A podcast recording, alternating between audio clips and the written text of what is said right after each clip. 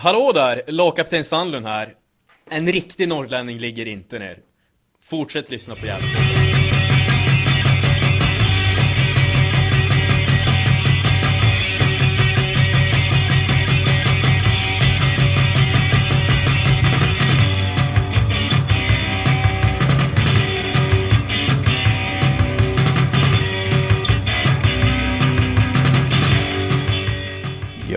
Hallå allesammans och hjärtligt välkomna till Gävlepodden nummer 153. Mitt namn är Andreas Ström och tillsammans med Hugo Ådvall, Johan Norrström, Niklas Backlund så gör vi Gävlepodden. Vi har också hjälp ibland av Per Magnusson, Gävleson men boende i Örebro. I detta avsnitt så får ni först lyssna till en besviken Grace Tanda i en intervju som Hugo Ådvall gjorde direkt efter Gävles förlust mot Akropolis på Gavlevallen. Efter detta så får ni lyssna till ett eh, analyssnack som eh, jag, Andreas Ström, hade tillsammans med Per Magnusson och eh, Niklas Backlund där vi börjar med att prata om Gävle IFs extrainsatta medlemsmöte som Niklas Backlund var på.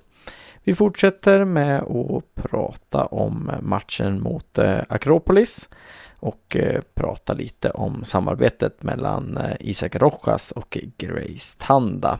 Vi pratar också om varför vi tror att Yahya Kalavane satt på bänken i den här matchen och en del annat. Den här podden avslutas med en intervju som eh, jag gjorde med Andreas Dahlén som är ny tillförordnad sportsligt ansvarig i Gävle IF. Redigering står som vanligt jag, Andreas Ström, för. Vi vill också gärna att du blir en Patreon till oss. Då går man in på www.patreon patreon.com Gävlepodden. Där kan man välja att skänka minst en dollar i månaden så får man tillgång till eh, intervjuer och annat som vi gör lite före alla andra. Det är också så att eh, ni som är Patreons hjälper oss ekonomiskt så att vi kan köpa bättre utrustning och göra bättre poddar.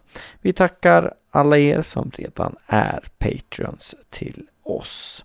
Man kan också gå in på Twitter och eh, gilla oss där. Där heter vi Gävlepodden.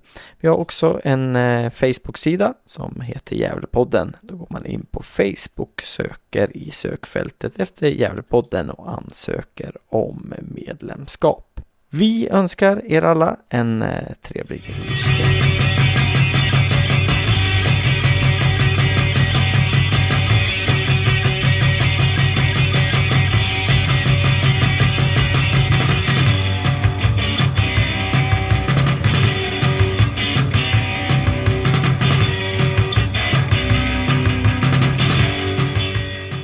Färjestanda Eh, bara minuter efter tung förlust här hemma mot Akropolis på Gavlevallen. Ni, ni står för en bra insats tycker jag, men får ändå inte mer någon poäng.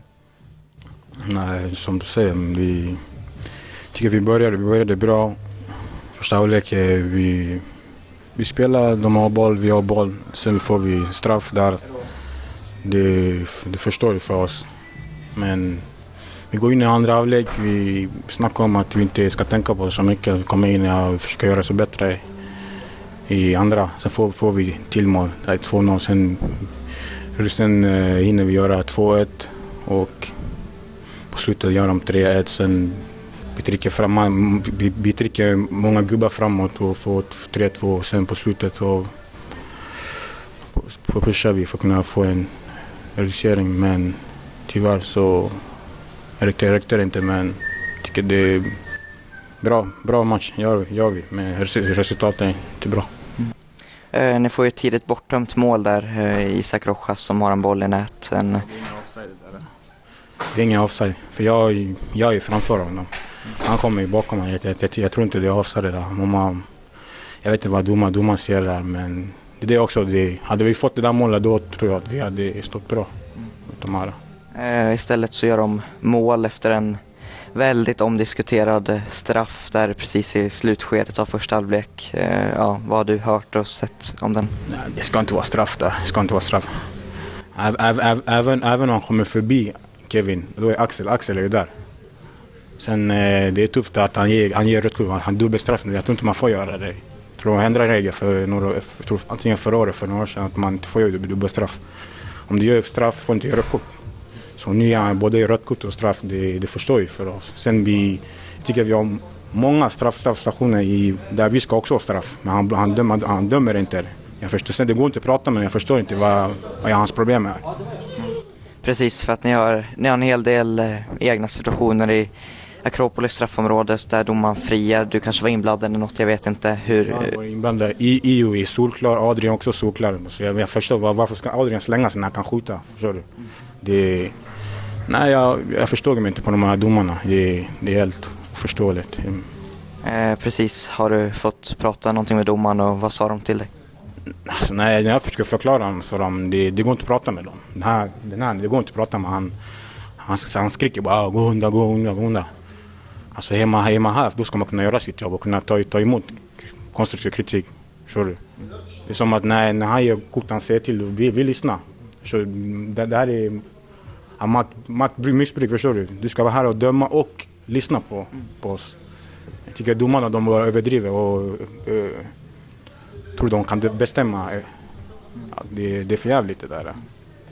Uh, ja, och nu nästa helg väntar forward borta. Jag tror att uh, de åkte ur idag, om jag har förstått det rätt, med deras, deras förlust. Uh, hur, hur ser du på den matchen? Nej, jag tror vi tycker att vi ska ta med den här, Eh, den här matchen. Inte, inte resultatet, men hur spelet till nästa match och försöka ta poäng. Inte bara forward, alla matcher som är kvar försöka ta poäng. Ta, ta alla poäng där och försöka spela bra. Och jag vet att det, det blir, det blir ett tuff match på forward på trängen. Så med, vi, vi, ska, vi ska gå för vinst där. Stort tack för att du ställde upp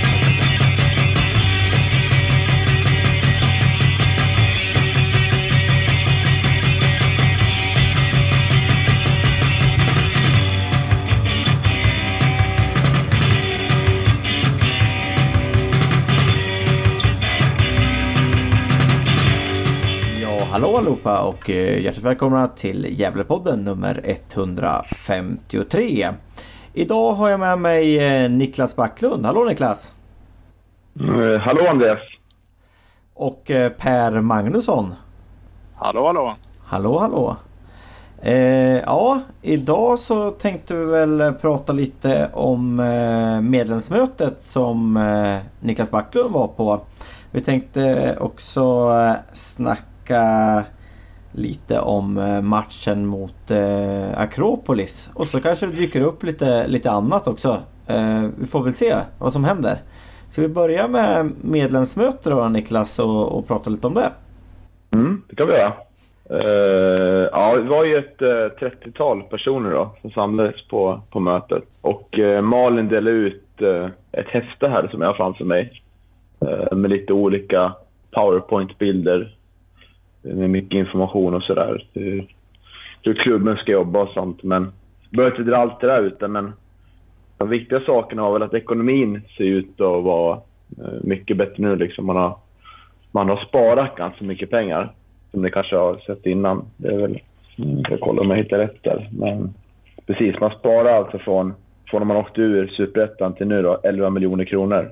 Eh, vilket är, är ganska mycket. Liksom.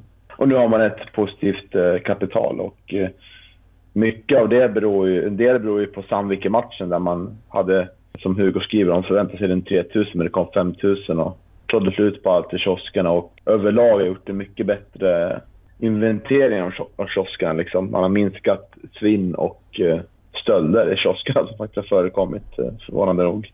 Så där har man gått 73 000 vinst mot 17 000 minus förra året. Så det, det, det är ju positivt. Sen eh, var det intressant. De, de, tog upp där någonting som, eh, som jag har missat. Inte, jo, här. Långsiktiga mål 2025, alltså om knappt fem, fem år. Då. Då har man ett, eh, fem olika punkter då, som jag tänker läsa här. Man vill alltså ha ett herrlag i högsta serien som är goda förebilder enligt med vår värdegrund. Och, och detsamma gäller ett damlag i högsta serien också. Eh, man vill ha en bredd som fostrar framtidens förebilder, både som människor, fotbollsspelare och ledare. Man vill ha en akademi som levererar spelare till Allsvenskan och ute i Europa med Gävle i värdegrund som tydlig bas. Och man vill eh, vara en av Sveriges mest attraktiva och ledande fotbollsföreningar som bidrar och gör skillnad för människan, fotbollen, samhället, ledarskap med inkludering av människors lika värde som tydlig grund. Och lite här fastnade vi en del på när vi, när vi pratade på mötet, vi ställa frågor och så. Det är ganska ambitiösa målbilder, framförallt det här med att man ska ha ett herr och damlag i högsta serien eh, redan om fem år, kan jag tycka. Liksom. Och då, den här treårsplanen, som också var inne på, pratade om att stabilisera sig i år, nästa år till ytterligare kliv och eh, om, om det tredje året ska man gå upp. Och då innebär det att då kommer man vara uppe i superettan säsongen 2022. Då. Och eh, sen ska man ha två, tre år på sig att ta sig upp till allsvenskan. Det måste gå snabbt då känner jag, eller vad, vad känner ni? Ja, man blir, jag kommer ihåg när den där målbilden om 2025 kom alltså innan säsongen och då, då fattade man ju som att det var att man skulle tillbaka till eliten till 2025 och då kändes det ju väldigt långt. Eh, nu när man eh, förstår att det är allsvenskan de siktar på till 2025 då, då känns ju det väldigt kort tid istället. Så att eh, det är väl klart att det, det är eh, det är ju tuffa målbilder att, eh, att försöka eh, förverkliga men eh, jag tycker ändå att man sticker ut hakan och det är lite ovanligt för att vara Gävle IF och det, det tycker jag ändå är, är, positivt. Vad säger du Per? Ja, jag håller med i det. Eh, att sticka ut hakan brukar inte vara Gävles eh, starka sida så att eh, det ligger ju på plussidan helt klart. Jag trodde som dig att det var superettan det handlade om. Så nu blir jag lite glad att det handlar om allsvenskan eh, istället. Då. Eh, men eh, bra att sätta upp eh, tydliga mål för fans, sponsorer, alla spelare som ska spela här också. Eh, vi har ju saknat tydlighet tidigare. Så ja, jag tycker det är positivt. Eh, även fast det känns ganska orimligt nu när vi ligger på, på kanten till division 2. Slutet på den här säsongen kommer ju vara avgörande. Mm. Så är det ju. Mm. Jag hade en fråga där när det gällde ekonomin Niklas. Eh, mm. Det har ju varit eh, någon slags eh, till sån här eh, Swish eh, insamling eller antydan till en insamling eh, som vi fans eh, som de vill ha med oss på. Fick du något svar på, på den? Vad det är för någonting? Vad man har tänkt med den? Alltså vad jag fattar det som så är det väl att det ska typ vara som en supportersponsring. Att vill man sponsra så ska man sponsra. Så det är väl inte någon så här krisinsamling. Sådär. Det uppfattar inte jag det som. Eh, och det, av det jag kommer ihåg nu, jag kan komma ihåg fel också. Sådär. Men eh, man pratar ju om att eh, det kan komma in på bolagiseringen som också kom upp som en fråga. Liksom. Och eh, analysen av det, det var till stor del att man tyckte att eh, man hade kommit ut i fel, fel liksom, tid på säsongen. Eller för att laget fått väg ur och sånt. Och man hade de här par nyckelinvesterarna som man ville gå in med stora pengar som, som inte ville vara med längre. Och att det var, det var det där det föll på. Jag vet inte hur tajmingen är egentligen. Eh, det känns som att den, den, här... Nu vet jag inte riktigt vad det handlar om. Jag såg att det var någon sponsring men jag vet inte hur väl tajmingen är nu heller om man vill få in pengar. Eh, Nej. Då kan man ju vänta kanske till ett säkrat kontrakt till exempel. Då, då är det en bättre timing och så kör man någon slags nu ska vi satsa igen. Liksom. Nu, ska vi, nu, nu, är vi kvar i samma serie, nu ska vi bygga framåt och då trycker man in pengarna. Liksom. Eh, men det kanske man också gör. Nej men alltså jag vet inte om Mackan blir kvar nu nästa år eller inte. Det vet ju ingen. Eh, kontraktet går ut och jag menar är det så att han hoppar av och det kommer in en ny tränare så hade det kanske varit ett tillfälle att gjort en sån här grej att man får in någon ny och, och, och det blir ja, större framtidstro om man, man gör en sån här grej då. Eh, ja, jag tycker att, att tidpunkten är lite, lite märklig också. Igen. Mm. Eh, jag kan komma in på att vi det kommer upp en del om, om eh, den nya rollen då, som man vill, vill vänta annonsera ut, alltså klubbdirektörsrollen. den kommer ju ha mer sportlig fokus, var man ganska tydlig med nu. Då. Men jag ställde en fråga då, liksom, hur, det har ju varit många personer som har hoppat av föreningen för att de har känt att arbetsbelastningen är för tuff. Liksom. Hur, hur kommer man jobba med det? Men jag tycker väl inte att jag fick något riktigt så här, det var väl mycket så här ord liksom som, det var inget, inget praktiskt liksom hur man kommer jobba sådär. Men det är möjligt att, man kommer, att det kan hjälpa lite, att man kommer sprida ut på små tjänster som hon är inne på intervju med Hugo här, Hugo Ådvalls intervju. Att det kommer vara lite sportliga eller tjänster på sidan om istället för kanske heltider och sånt. Så jag tror på ett sätt att det kan vara bra att man, för är man anställd för någonting så tror jag alltid det blir lättare att jobba ju, ju mindre arbetsuppgifter man har. Ja, jag menar alltså jag, jag blir orolig på det sättet att, att uh, när, när, David Hussein tillträdde tjänsten som klubbdirektör i, i Gävle IF så, så var han ju inne på att det här var hans drömjobb liksom. Det var, det var hans förening, det var här han ville jobba, det var allting. Och sen, jag vet inte hur länge han satt nu, var det två år eller? Ett och ett halvt? Ja, ett och ett halvt tror jag. Ja, så, eh, så, så är det liksom, han ger upp sitt drömjobb för att att mycket tid liksom från familj och, och, och, allt det där. Och då, då blir man ju lite orolig liksom. För jag menar en kille som säger att han har sitt, sitt drömjobb från början och sen, sen hoppar han av efter ett och ett halvt år för att, för att det är, drömjobbet är för, för jobb. Ja, det finns ju alltså en risk att så jag kan förstå att David tar det här som ett drömjobb så märker man att jag är på väg att bränna ut mig. Det lär ju vara jobbigt att komma och se, se Gävle spelare för då kommer man tillbaka till en arbetsplats där man, man kanske mår dåligt. Mm. Man kan ju skada sitt intresse för klubben eh, totalt. Jag såg eh, Jens Rutin hade ju skrivit där i, i forum, jag vet inte om någon av er läste det, men det var ju den, den gamla klubbchefen i Gävle, eh, vad hette hon då? En, en kvinna? Eh, Eva. Eva. Precis. Hon eh, hade väl skrivit att hon hade bara varit och sett derbyt i år. Eh, mm. Och så Jens Rutin menar då, då måste det vara inte ens den, den gamla klubbchefen kommer och kollar på, på matcherna. Eh, mm. Jag vet inte hur mycket man ska, ska lägga vikt vid det men eh, lite konstigt är det ju. Mm. Ja, nej, men jag hoppas de blir tydligare och att man, man delar upp det på ett annat sätt så vi slipper, uh, slipper byta anställda hela tiden. Mm. Absolut. Men jag, jag, kan ju avsluta med, alltså, jag tror det här var det, det, det finns en viktig sak till på mötet som jag de märker till. Det var att Malin tog upp eh, Pojas eh, fiol, i Göteborg då. Och hur det är nu mot att man vill ha en kontinuitet i Gävle IF på tränarposten. Och det tolkar i alla fall jag som att eh, Marcus kommer bli kvar nästa år om man vill. Om man klarar sig kvar. Jag sa inte det rakt men jag, jag tolkar in det som svaret i alla fall. Att eh, det var det hon ville få ut. Ja, Ja, det är ju frågan liksom för att eh, eh jag har ju har haft svårt att sätta en, en röd tråd i år. Eh, och, och visst är det viktigt med, med kontinuitet men det är också viktigt att man har en, har en taktik som, som fungerar. Och sen kan man ju skylla på, på otur eller man kan skylla på mycket men det är inte bara otur när det går som det har gått i år utan ett bra lag har ju, har ju stolp in och, och ett dåligt lag har ju, har ju stolp ut. Och, och, i år så... Nej, jag har, jag har inte riktigt sett det. Tyvärr. Mm. Ja, det är vi ganska ensamma. Det. Ja, det tror jag alla håller med om. Eh, det finns brister i spelsystemet som jag tycker hänger på en tränare och inte på spelarna. Som jag är väldigt oroad över. Och jag har inte sett någon förbättring över året egentligen på de punkterna.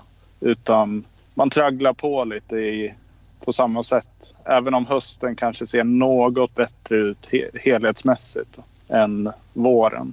Men man, är, man dippar ju fortfarande i varannan match.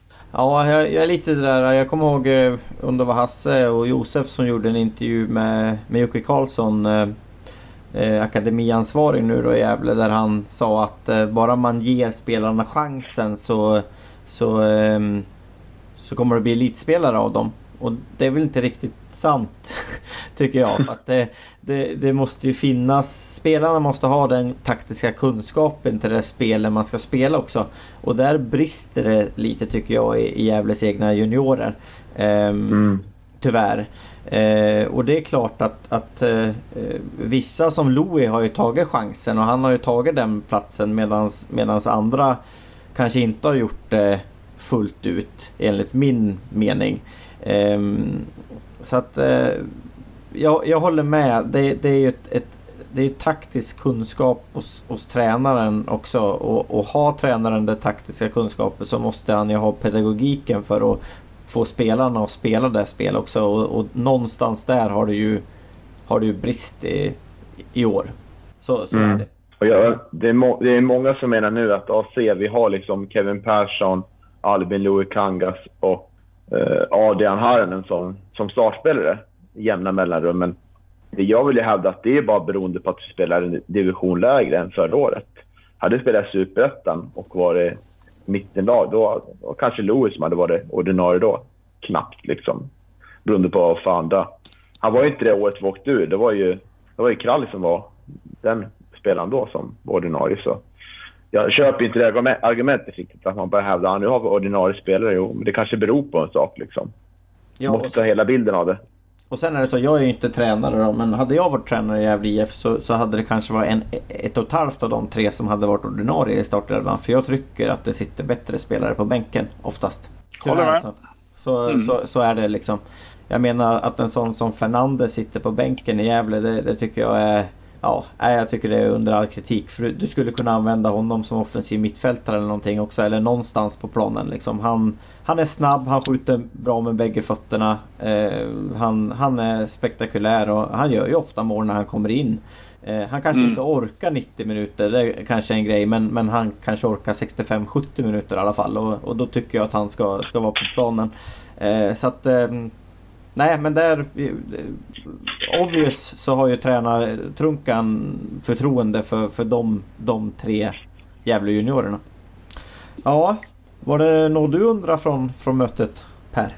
Nej, jag tycker det var intressant att, att höra lite vad, vad de pratade om. Mm. Ja, ska vi... Känner du dig klar Niklas? Ska vi vandra Mm. vidare? Eh, Vi vandrar vidare tycker jag. men har ni läst Hugos eh, intervju där med, med Malin, bägge två? Mm. Ja, lite hastigt sådär. Mm. Ja. Eh, vad tänker du om det som sades där då Niklas? Jag vet inte om du fick med allt när du pratade om det innan? Mm, ja, det var väl allt förutom att man har sökt, sökt eh, bidrag nu eh, på 5 miljoner för att få igång lite olika eh, projekt man ville eh, sätta igång. Jag vet inte riktigt vilka projekt det är, men det är väl så här, kanske värdegrundsprojekt sådär för att få in pengar, gissar jag. Det Det som, det, det som jag inte fattade var de här pengarna då. Nu fokuserar vi mest på A-laget i den här podden eh, för herrarna.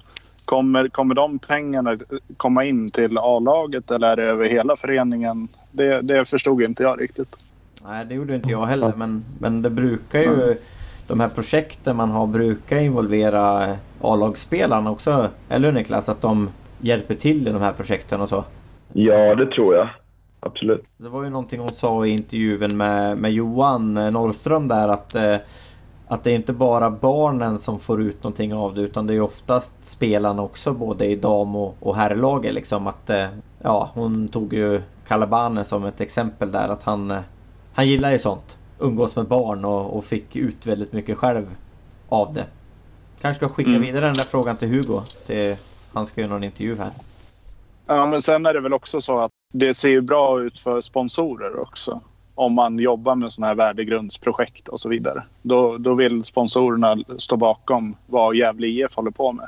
Så att eh, det blir en bra, en god spiral av det hela också. Så att jag, jag är positiv till det där. Ja, ska vi lämna eh, medlemsmötet? Eh, Så går vi Mm. vidare till, till matchen då. Ska du börja Per? Vi kan väl prata om, om hela matchen. Vad du tyckte om den. Ja, hur ska jag sammanfatta det här? Eh, jag tycker att eh, det är en spännande match att titta på såklart. Man märker att Gävle vill ha de här poängen mer än vad Akropolis vill. Men man märker också att det är stor skillnad i kvalitet på de här två lagen. Gävle kämpar och försöker med lite allt möjligt. Men jag tycker att Akropolis eh, har ett sånt eh, stabilt spelsystem och, och skickliga spelare. Så att de, även fast de liksom inte går 100 procent så tycker jag att Akropolis eh, kontrollerar den här matchen ganska väl över hela 90 minuter. Jag vet inte om ni håller med mig där. Men lite så här att så som Akropolis spelar, så vill jag att Gävle ska spela. De här bristerna vi talar om, med, med, som jag tycker med Mackan Bengtsson och spelsystem så där. Så ser man ju till exempel när Akropolis anfaller så har vi en fyra, fem spelare i straffområdet när bollen kommer in. Att jämföra med Gävle som alltid har en eller två spelare. Eh, lagdelarna håller ihop. Man har ett, en välsynkad press eh, på mittfältet och försvaret. Jag, jag, är ganska imponerad av deras eh, spel. Eh, Gävles insats är ju... Ja, man, det, det är många olika saker som färgar den här matchen också. Hade vi fått 1-0 målet som blev bortvinkad för offside så hade kanske matchen sett annorlunda ut. Gävle brukar må bra av att göra ett tidigt mål. Tyvärr så såg det, det såg ut som att det var offside också. Och sen kan vi snabbspola till det sista som hände första halvlek när eh, Akropolis får straff och eh, Kevin Persson blir utvisad och det sätter ju prägen på hela matchen sen också på något sätt. Eh, jag antar att vi ska diskutera de här olika situationerna som uppstår och domaren också. Men jag kan väl stanna där så länge. Niklas? Ja, bra analys där av Per tycker jag. Fick med mycket mycket vettigt där. Det, jag håller, alltså, de är ju liksom Akropolis. Det känns som att inställningen i deras match här, det är liksom, den är inte på 100 procent. Så man märker att de, de slarvar en del i passningar och eh, gör inte allt lika mycket rätt som när vi mötte dem i somras, där de var fantastiska. Men ändå så räcker det liksom till. För man är så duktiga liksom på, på att göra det på sitt spelsätt. Jag tycker liksom 2-0 målet är ett symptom på det. Där man, det är perfekt kontringsmål. Man passar, man rör sig helt rätt och får det se väldigt enkelt ut. Medan det egentligen är väldigt eh, in, intränat. Samtidigt som Gävle i många av de här hemmamatcherna under, under det här året, när man väl tappar in en boll och försöker trycka upp laget så blir det så pass stora ytor så vilket lag som helst kan, kan straffa oss. Hamnar i den här onda cirkeln återigen och återigen. Och det är väl tur att inte de sista matcherna på hemmaplan, för då har man inte tagit mycket poäng. Ja, alltså det, det är ju, har ju bra perioder. Man är, man är nästan, tycker jag, man är bättre när man får en man mindre, sjukt nog. Liksom. Det, eh, det blir som att alla anstränger sig lite mer. Och man får liksom får lite energi så här, av att man får Kevin utvisad och vill visa liksom att nu jävlar, nu kör vi. Och eh, Rojas har ju en jättechans där att göra 1-1, men precis utanför det, det är väl en okej okay insats här överlag tycker jag. Bra kämpainsats men det är mycket som inte räcker till tekniskt. Men det som var bra i den här matchen var djupledslöpningen. Jag tycker både Rojas och eh, Grace var väldigt bra djupled och då vi blev, blev farliga tycker jag. Jag, jag, måste säga det, de här två senaste matcherna, Rynninge på plats och så den här. Jag tycker det är svårt att analysera nu. Jag blir alldeles för, det, det betyder så otroligt mycket så att jag, jag blir liksom, jag vet inte, jag blir för, för involverad i, i matcherna på något sätt. Och den här var ju helt, jag var ju så förbannad så jag, jag vet inte. Eh, vi ska väl prata om domaren som sagt var. Det står här att vi ska prata om domaren. Men eh, jag vet inte, jag kände väl ändå sådär eh, att vi, vi spelar väl ganska jämnt fram till utvisningen med dem. Och, och det gör vi ju efter också som du säger Niklas. Men jag vet inte, jag tappar ju liksom hoppet lite när, när utvisningen kom. Att nu, nu är det nog kört liksom. Men ah, jag tycker ju ändå de är... Det är ju en, en godkänd match mot ett Akropolis som kanske går på 80% eller något liknande. Då då tycker jag att vi borde kunna vara med och, och matcha dem. Men eh, ja, det är en otroligt konstig, eh, otroligt konstig match.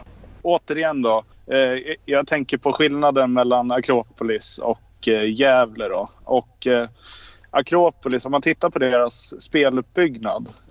Så från målvakten så han slår nästan aldrig någon långbollar utan han spelar ute på en back och så hittar man täta alternativ på mittfältet och så spelar man vidare där.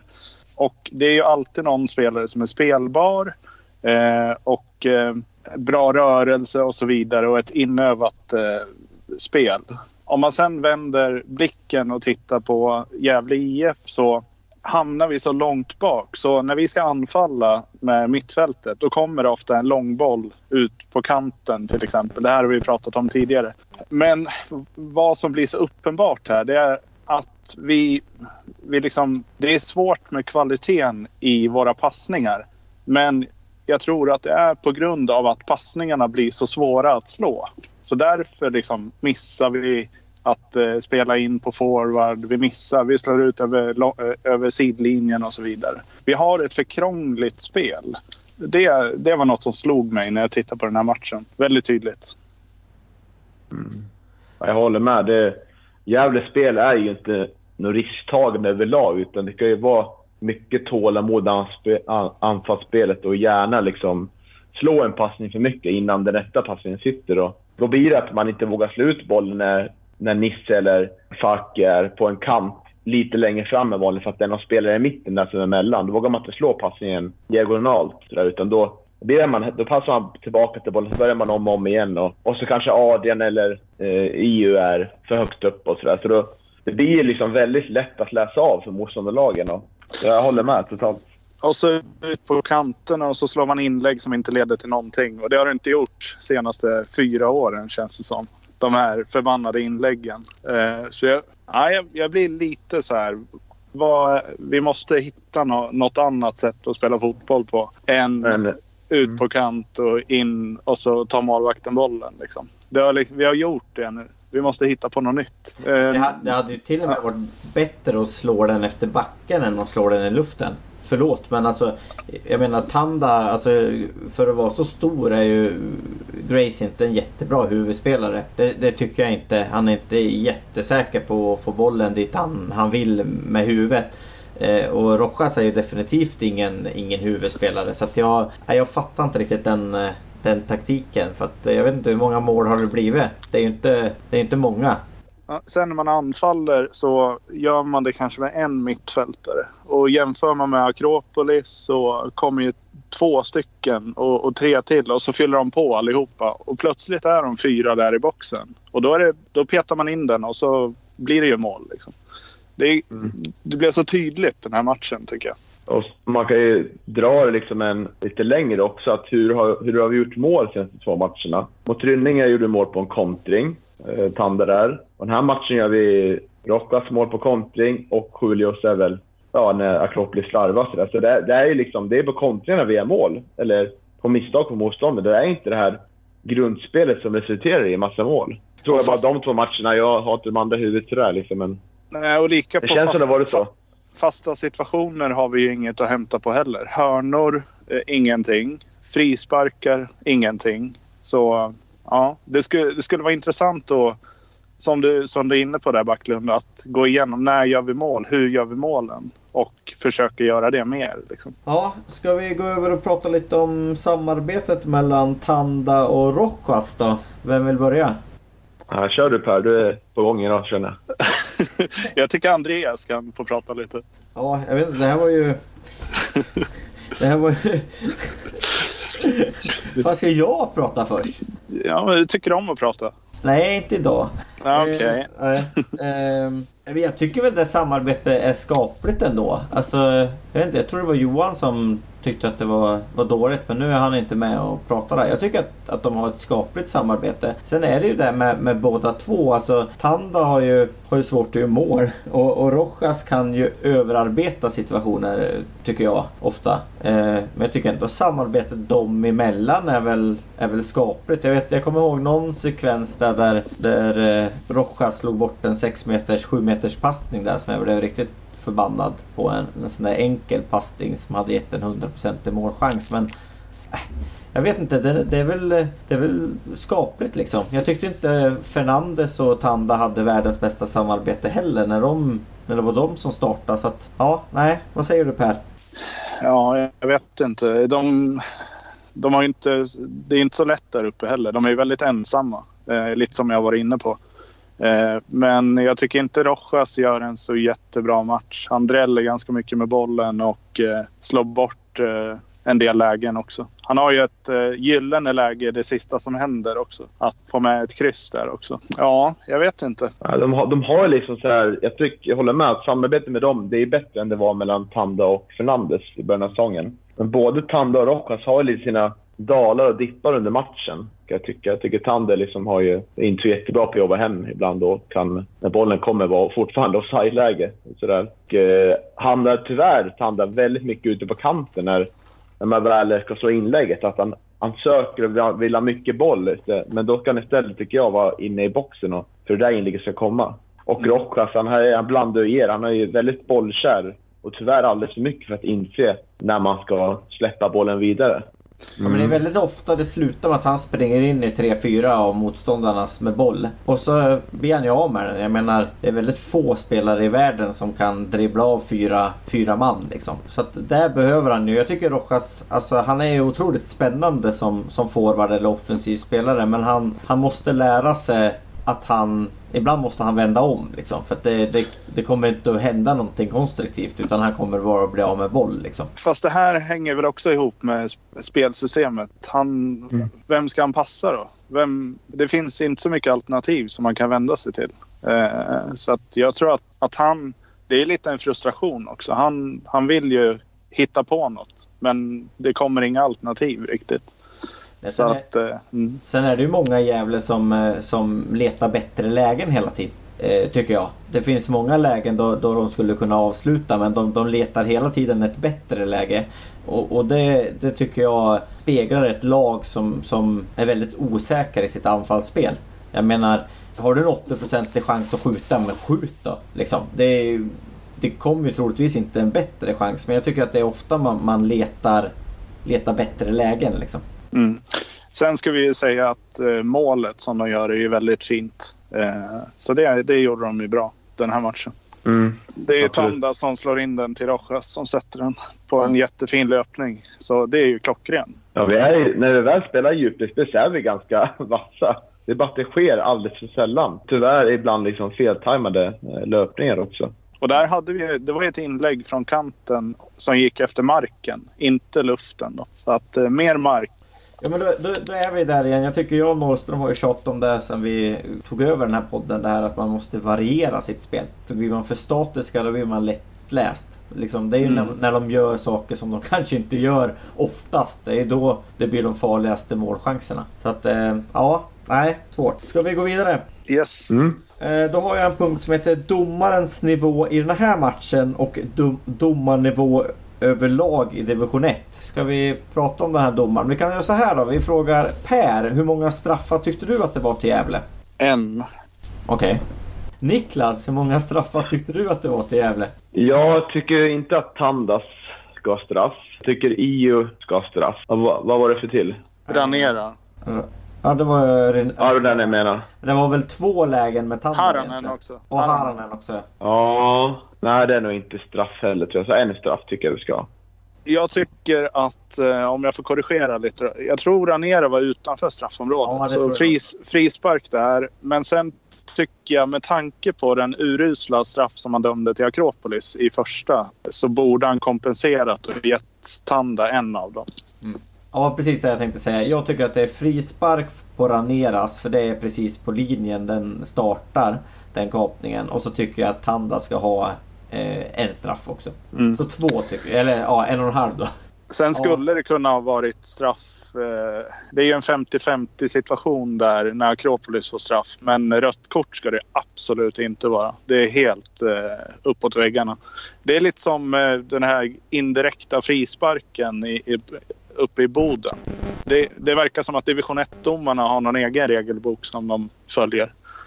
Men jag, jag har läst på lite där och det är så att om, om, om du satsar och går på boll Alltså att du fäller någon, du försöker sparka undan bollen. Eh, då får du inte dubbelbestraffa genom att ge både rött och, eh, och straff. Men däremot om det är drag i tröjan, om det är en knuff där du uppenbart går på spelaren.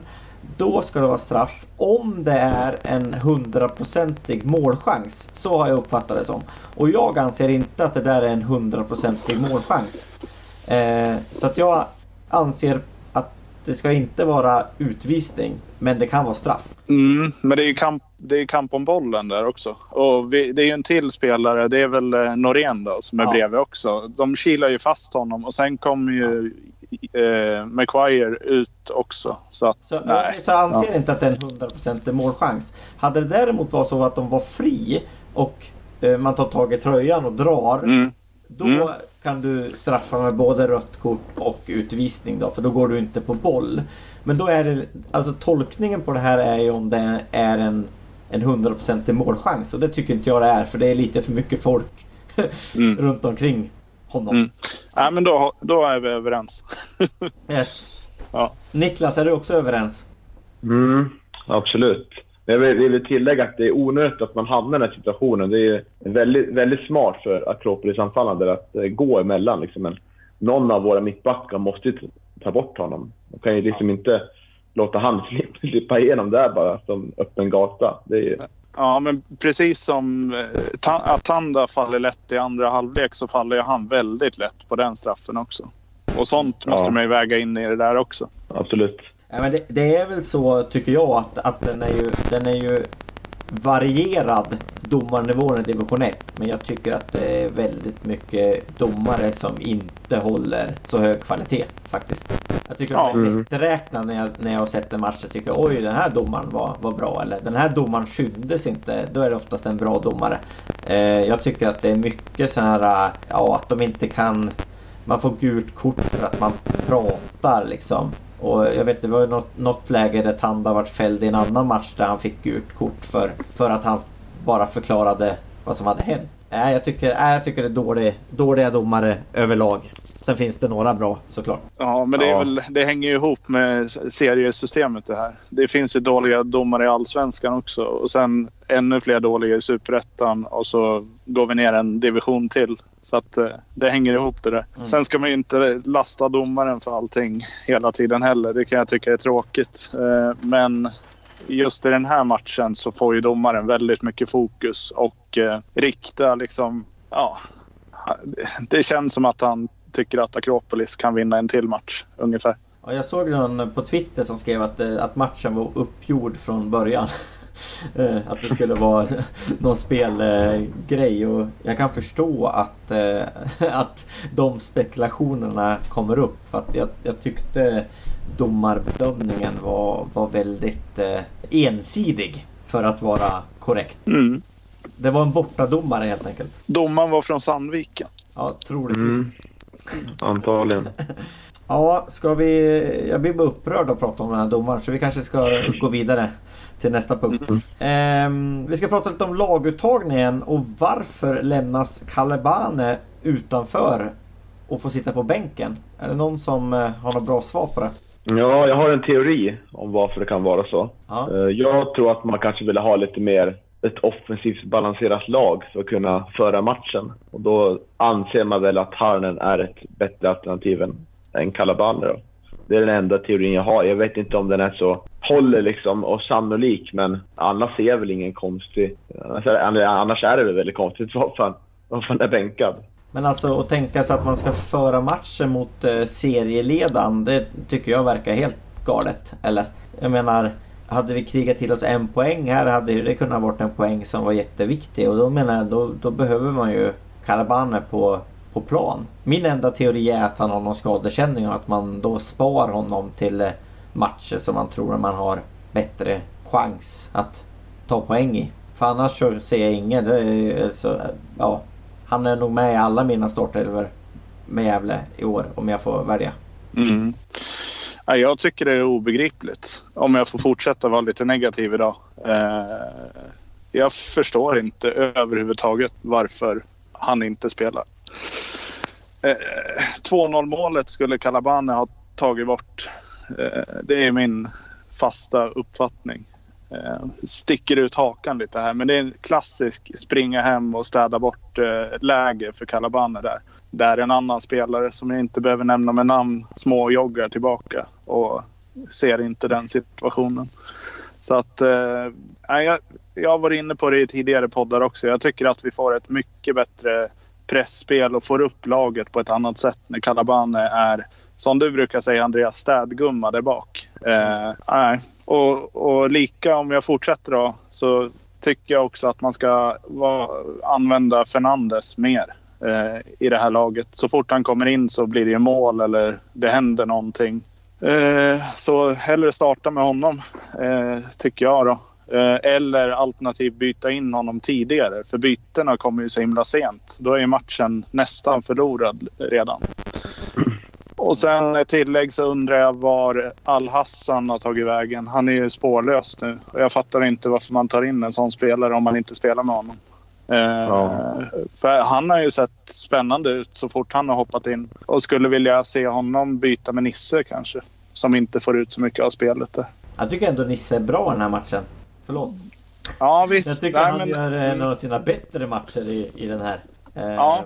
ja. Mm, nej, jag ska inte klanka ner på, på Nisse i den här matchen heller. Jag tycker också att han gör det bra. Men det blir ju mycket inlägg. Eh, även om man gör fina löpningar. Och det händer ju saker på den kanten som det inte brukar göra annars. Så att, Nej men jag tycker om det, med det Niklas var inne på med och, och chansa då, om det, om det är så. Då tycker jag då ska ju Calebane spela men då kan du ju byta in. Du kan ju både ha Fernandes, Tanda, Rojas och El- Al-Hassan på planen samtidigt i så fall. För jag menar har du han där bak så, så eh, ja, kan du ju lita på att han, eh, att han städar liksom. Eh, om man nu ska, ska chansa. Nej, men för mig är det, det är helt, eh, det är ett jättemysterium att han inte är med.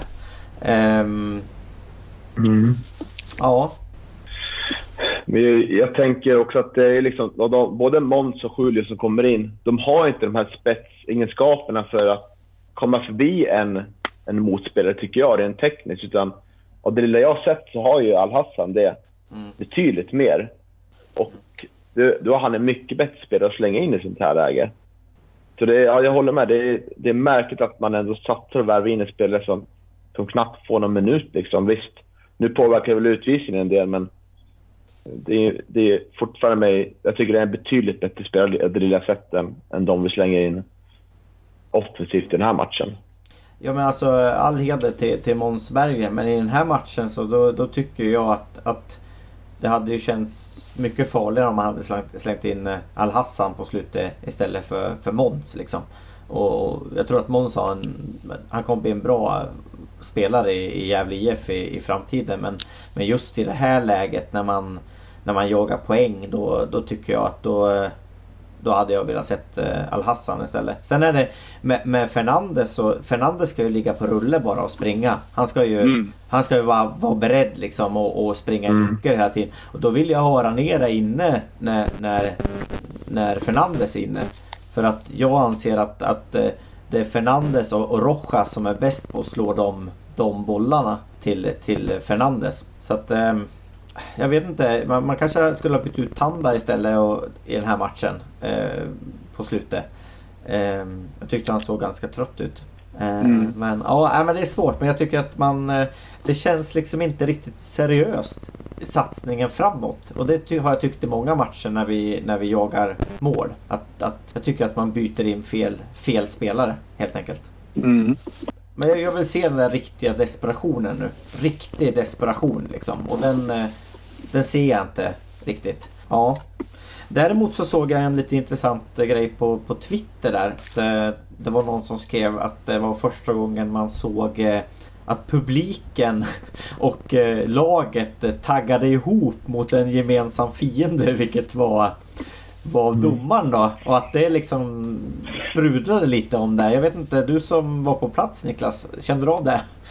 Ja, det tycker jag absolut. Alltså, Gävles publik brukar inte vara den som för, för massa liv, men det var ju, han fick ju till och med buslyssningar från eh, sittplatspubliken när, när han gick ut liksom, Ja. vid halvtid där. Så det, det, var mycket, det var mycket irritation liksom, kring övrig publik och sådär. Och, ja, hade, ja, det var, var härligt, lite uppfriskande att se faktiskt, tycker jag.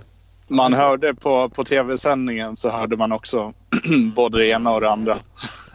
Nej och eh, jag tror det var Barling som skrev det faktiskt. Att han, eh, han- han kände någon, någon slags atmosfär att laget och, och publiken kuggade ihop mot, mot samma, samma fiende. Och det är ju, det är ju fint så.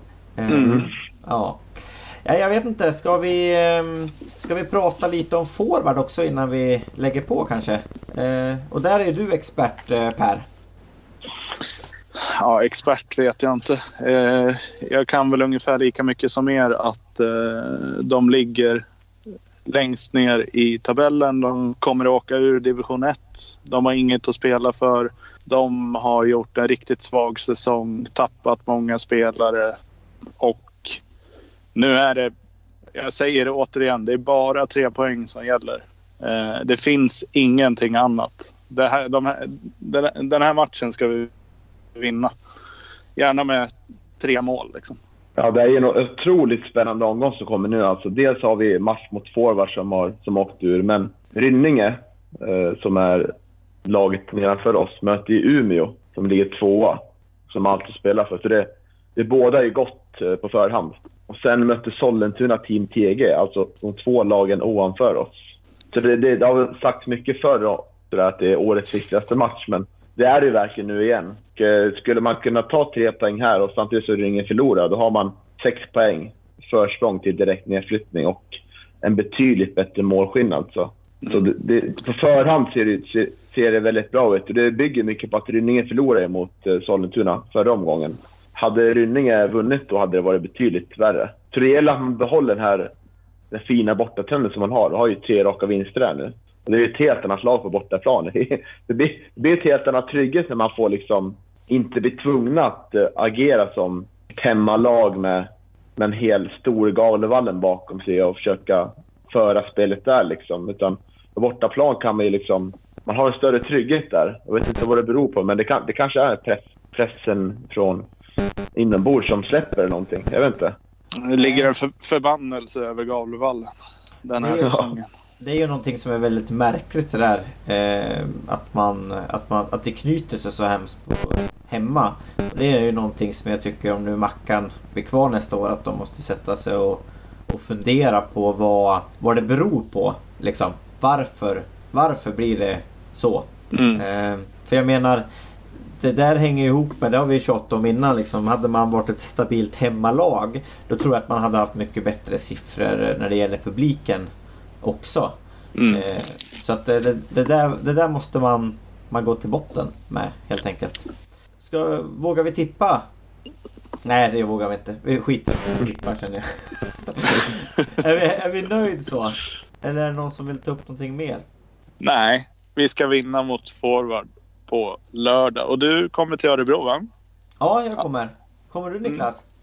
Nej, jag är tyvärr i Riga då på kryssning, så jag missar första bortamatchen i år. Får se vad det innebär.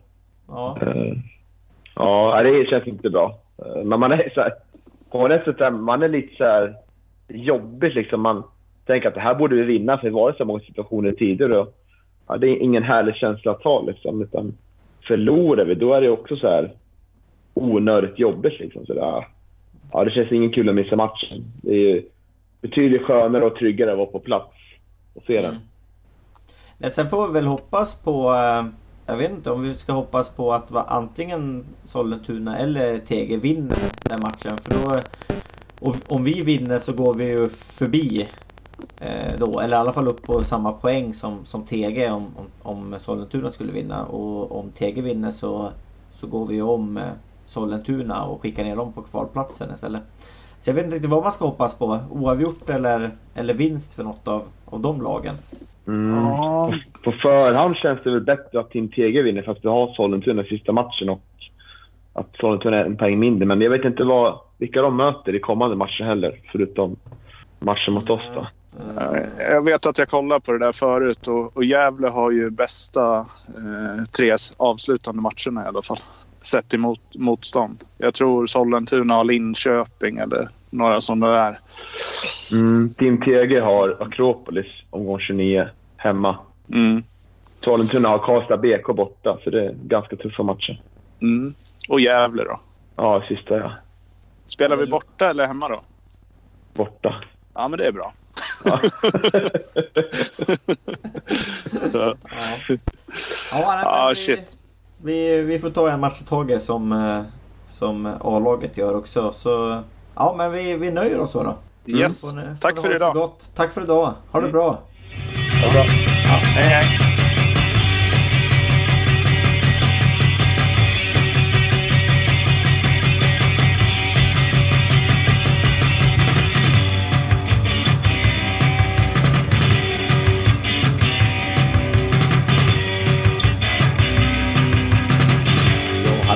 Var Andreas Ström från Gävlepodden och eh, med mig har jag eh, Gävle IFs eh, tillförordnade sportansvarig Andreas Dahlén. Hallå Andreas! Hej Andreas! Trevligt att få vara med.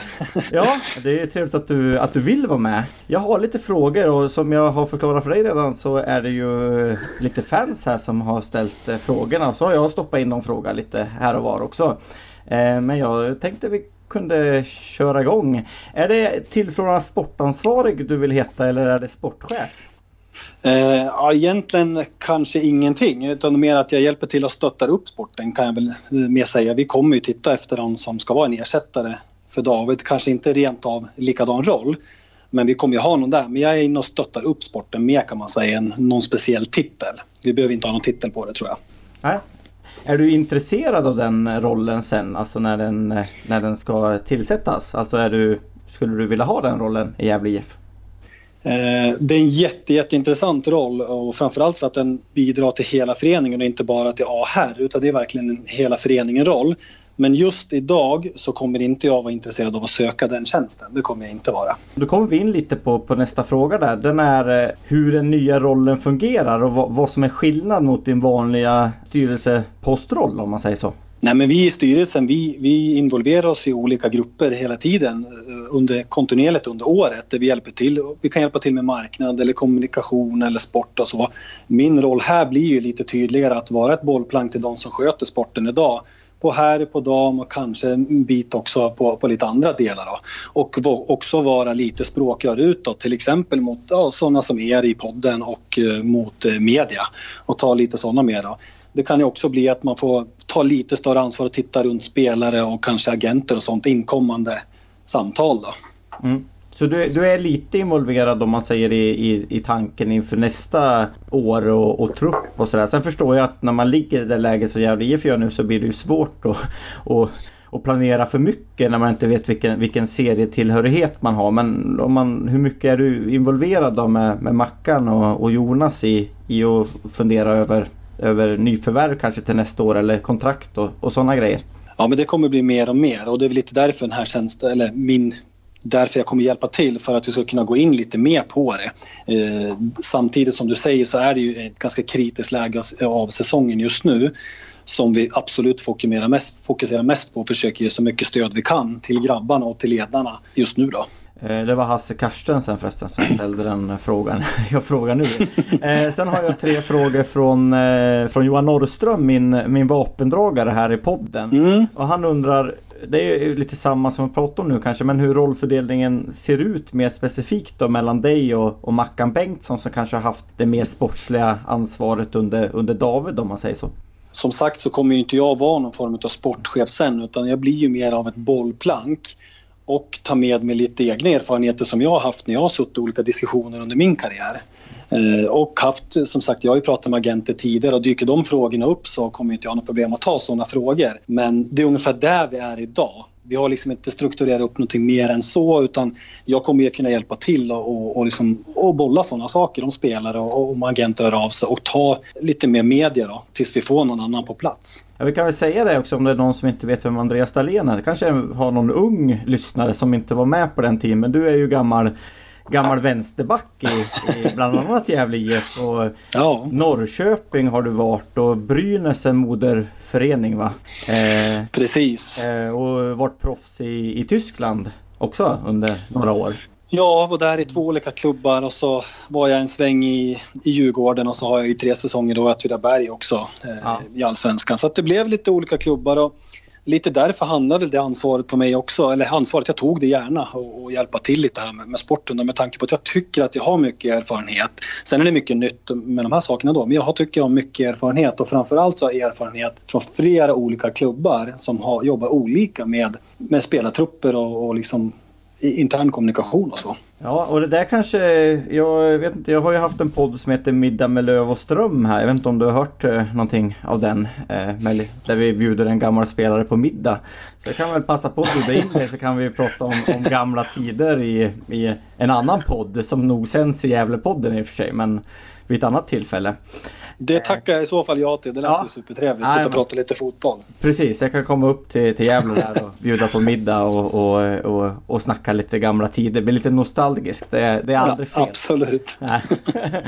Ja, Norrström undrar också, kommer supportrar märka att du har tagit över ett visst sportsligt ansvar? Eh, nej, inte initialt kommer vi inte göra det. Utan nu jobbar vi som sagt, för nu är det så pass tidigt än också. Vi, vi vill ju ha någon på plats så fort som möjligt när vi vet hur allting ska sitta på plats.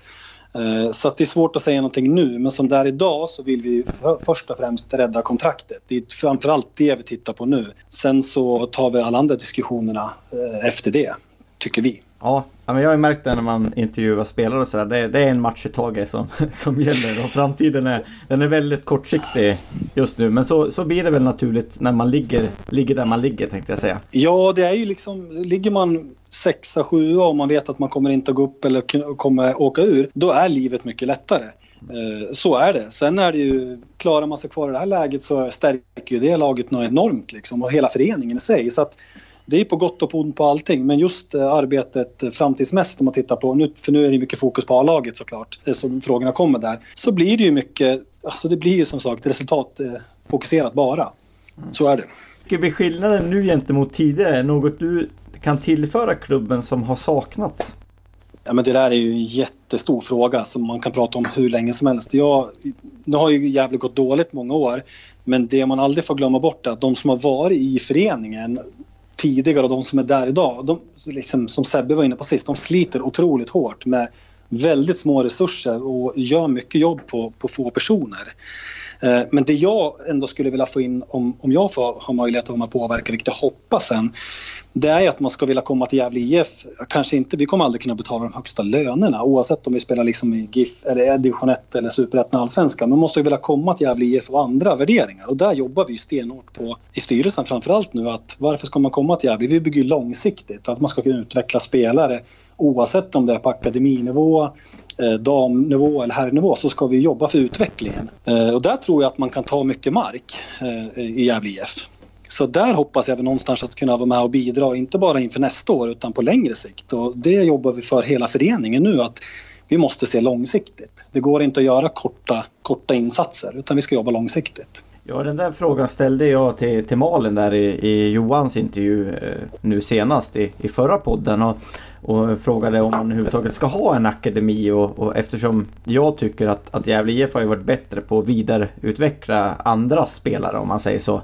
Än vad mm. man har varit och tagit fram egna. Jag vet inte, det är väl Erik Larsson i Malmö som är, är den spelare som kanske kommer från Gävles akademi men som varit utvecklad i Sundsvall i, istället. Om man säger mm. så. Sundsvall gjorde samma sak som Gävle har gjort med, med många spelare. Och det där är ju en, en svår fråga. det är en jättesvår det? fråga.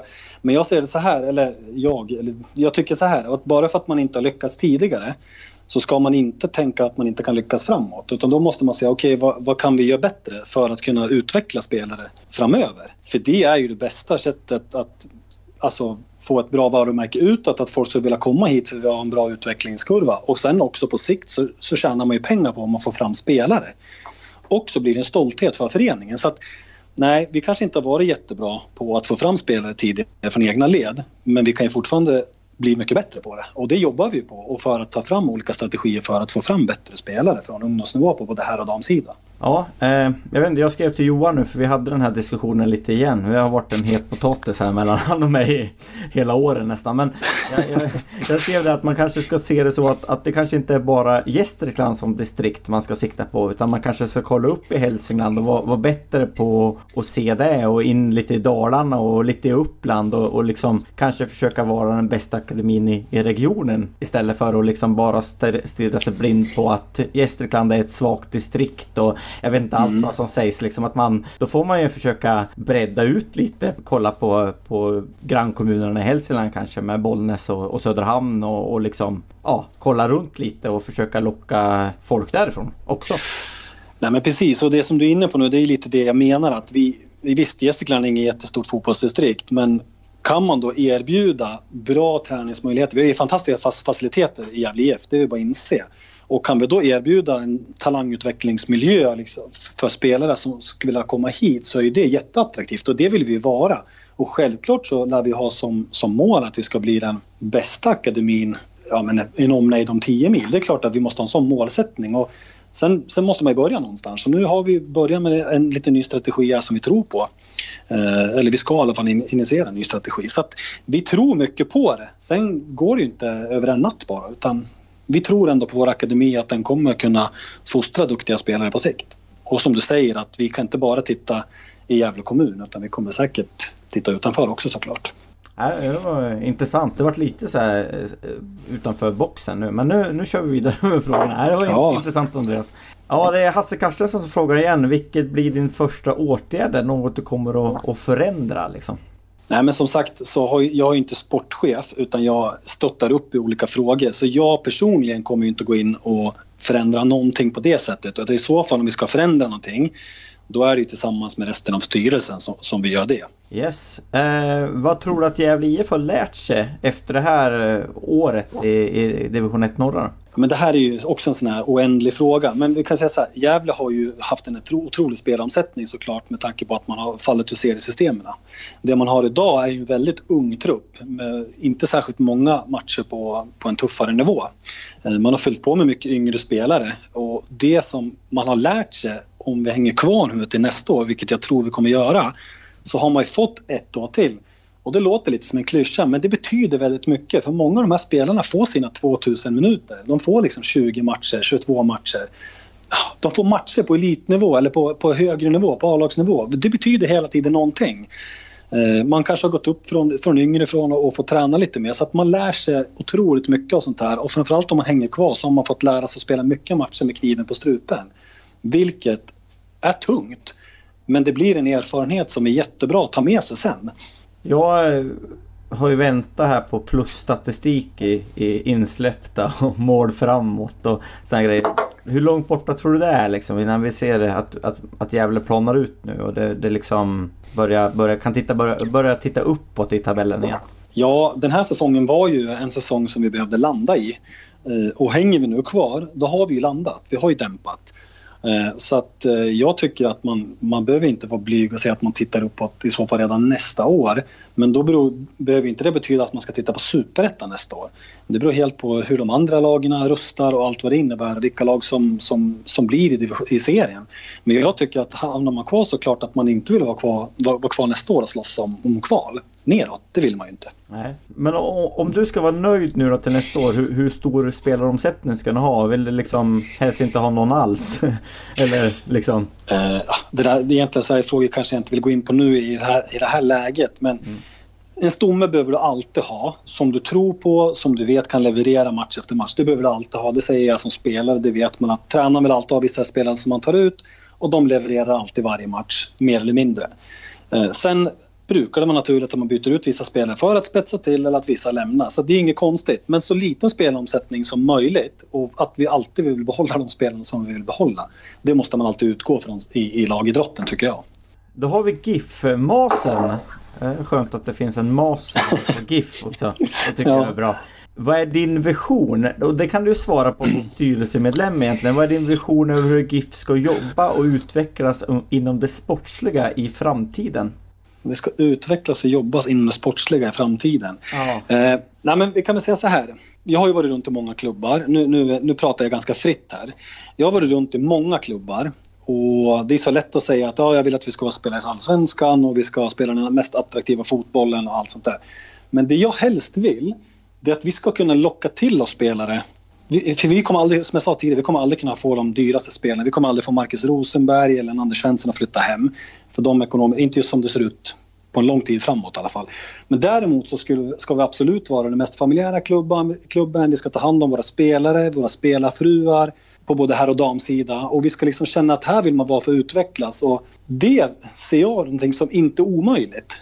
Förstår, jag, jag måste förklara att vi måste ta hand om de som kommer hit på bästa sätt. Att det ska vara en klubb som vi får andra spelare på rekommendation. Men du, åk till Gävle och spela där. De tog hand om mig jättebra, fick en jättebra utveckling. Allt sköttes smidigt. Så det är väl, hör väl ihop lite med på sidan om fotbollen. För att man har ett liv på fotbollen som är större än själva fotbollen och där måste vi bli bra på att ta hand om de som kommer hit. Där tror jag att man kan hämta mycket mot för många andra föreningar. Och, och det tror jag att Gävle har varit otroligt duktig på historiskt sett. Absolut. Alltså, med de gamla spelare som, som jag intervjuade och så eh, Magnus Wikström till exempel så sa ja. han att det var ju helt fantastiskt. Han har ju fortfarande ett väldigt stort Gävle-hjärta Magnus. Han sa att de var, det var fantastiskt att vara i Gävle liksom. Och då, det är jätteroligt att höra tycker jag. Och det, det är ju någonting som Gävle har varit väldigt duktig på och det tycker jag att man, man ska fortsätta vara och jävligt Ja, på. Liksom. och det är någonting som man kan bli bäst på, tänker jag. Det, det är svårt att säga att vi ska vinna SM-guld 2025 när vi ligger i division 1. Men däremot så kan vi faktiskt bli bäst på just sådana saker. De här mjuka värdena som gör att folk faktiskt vill komma hit även fast de tjänar mindre pengar.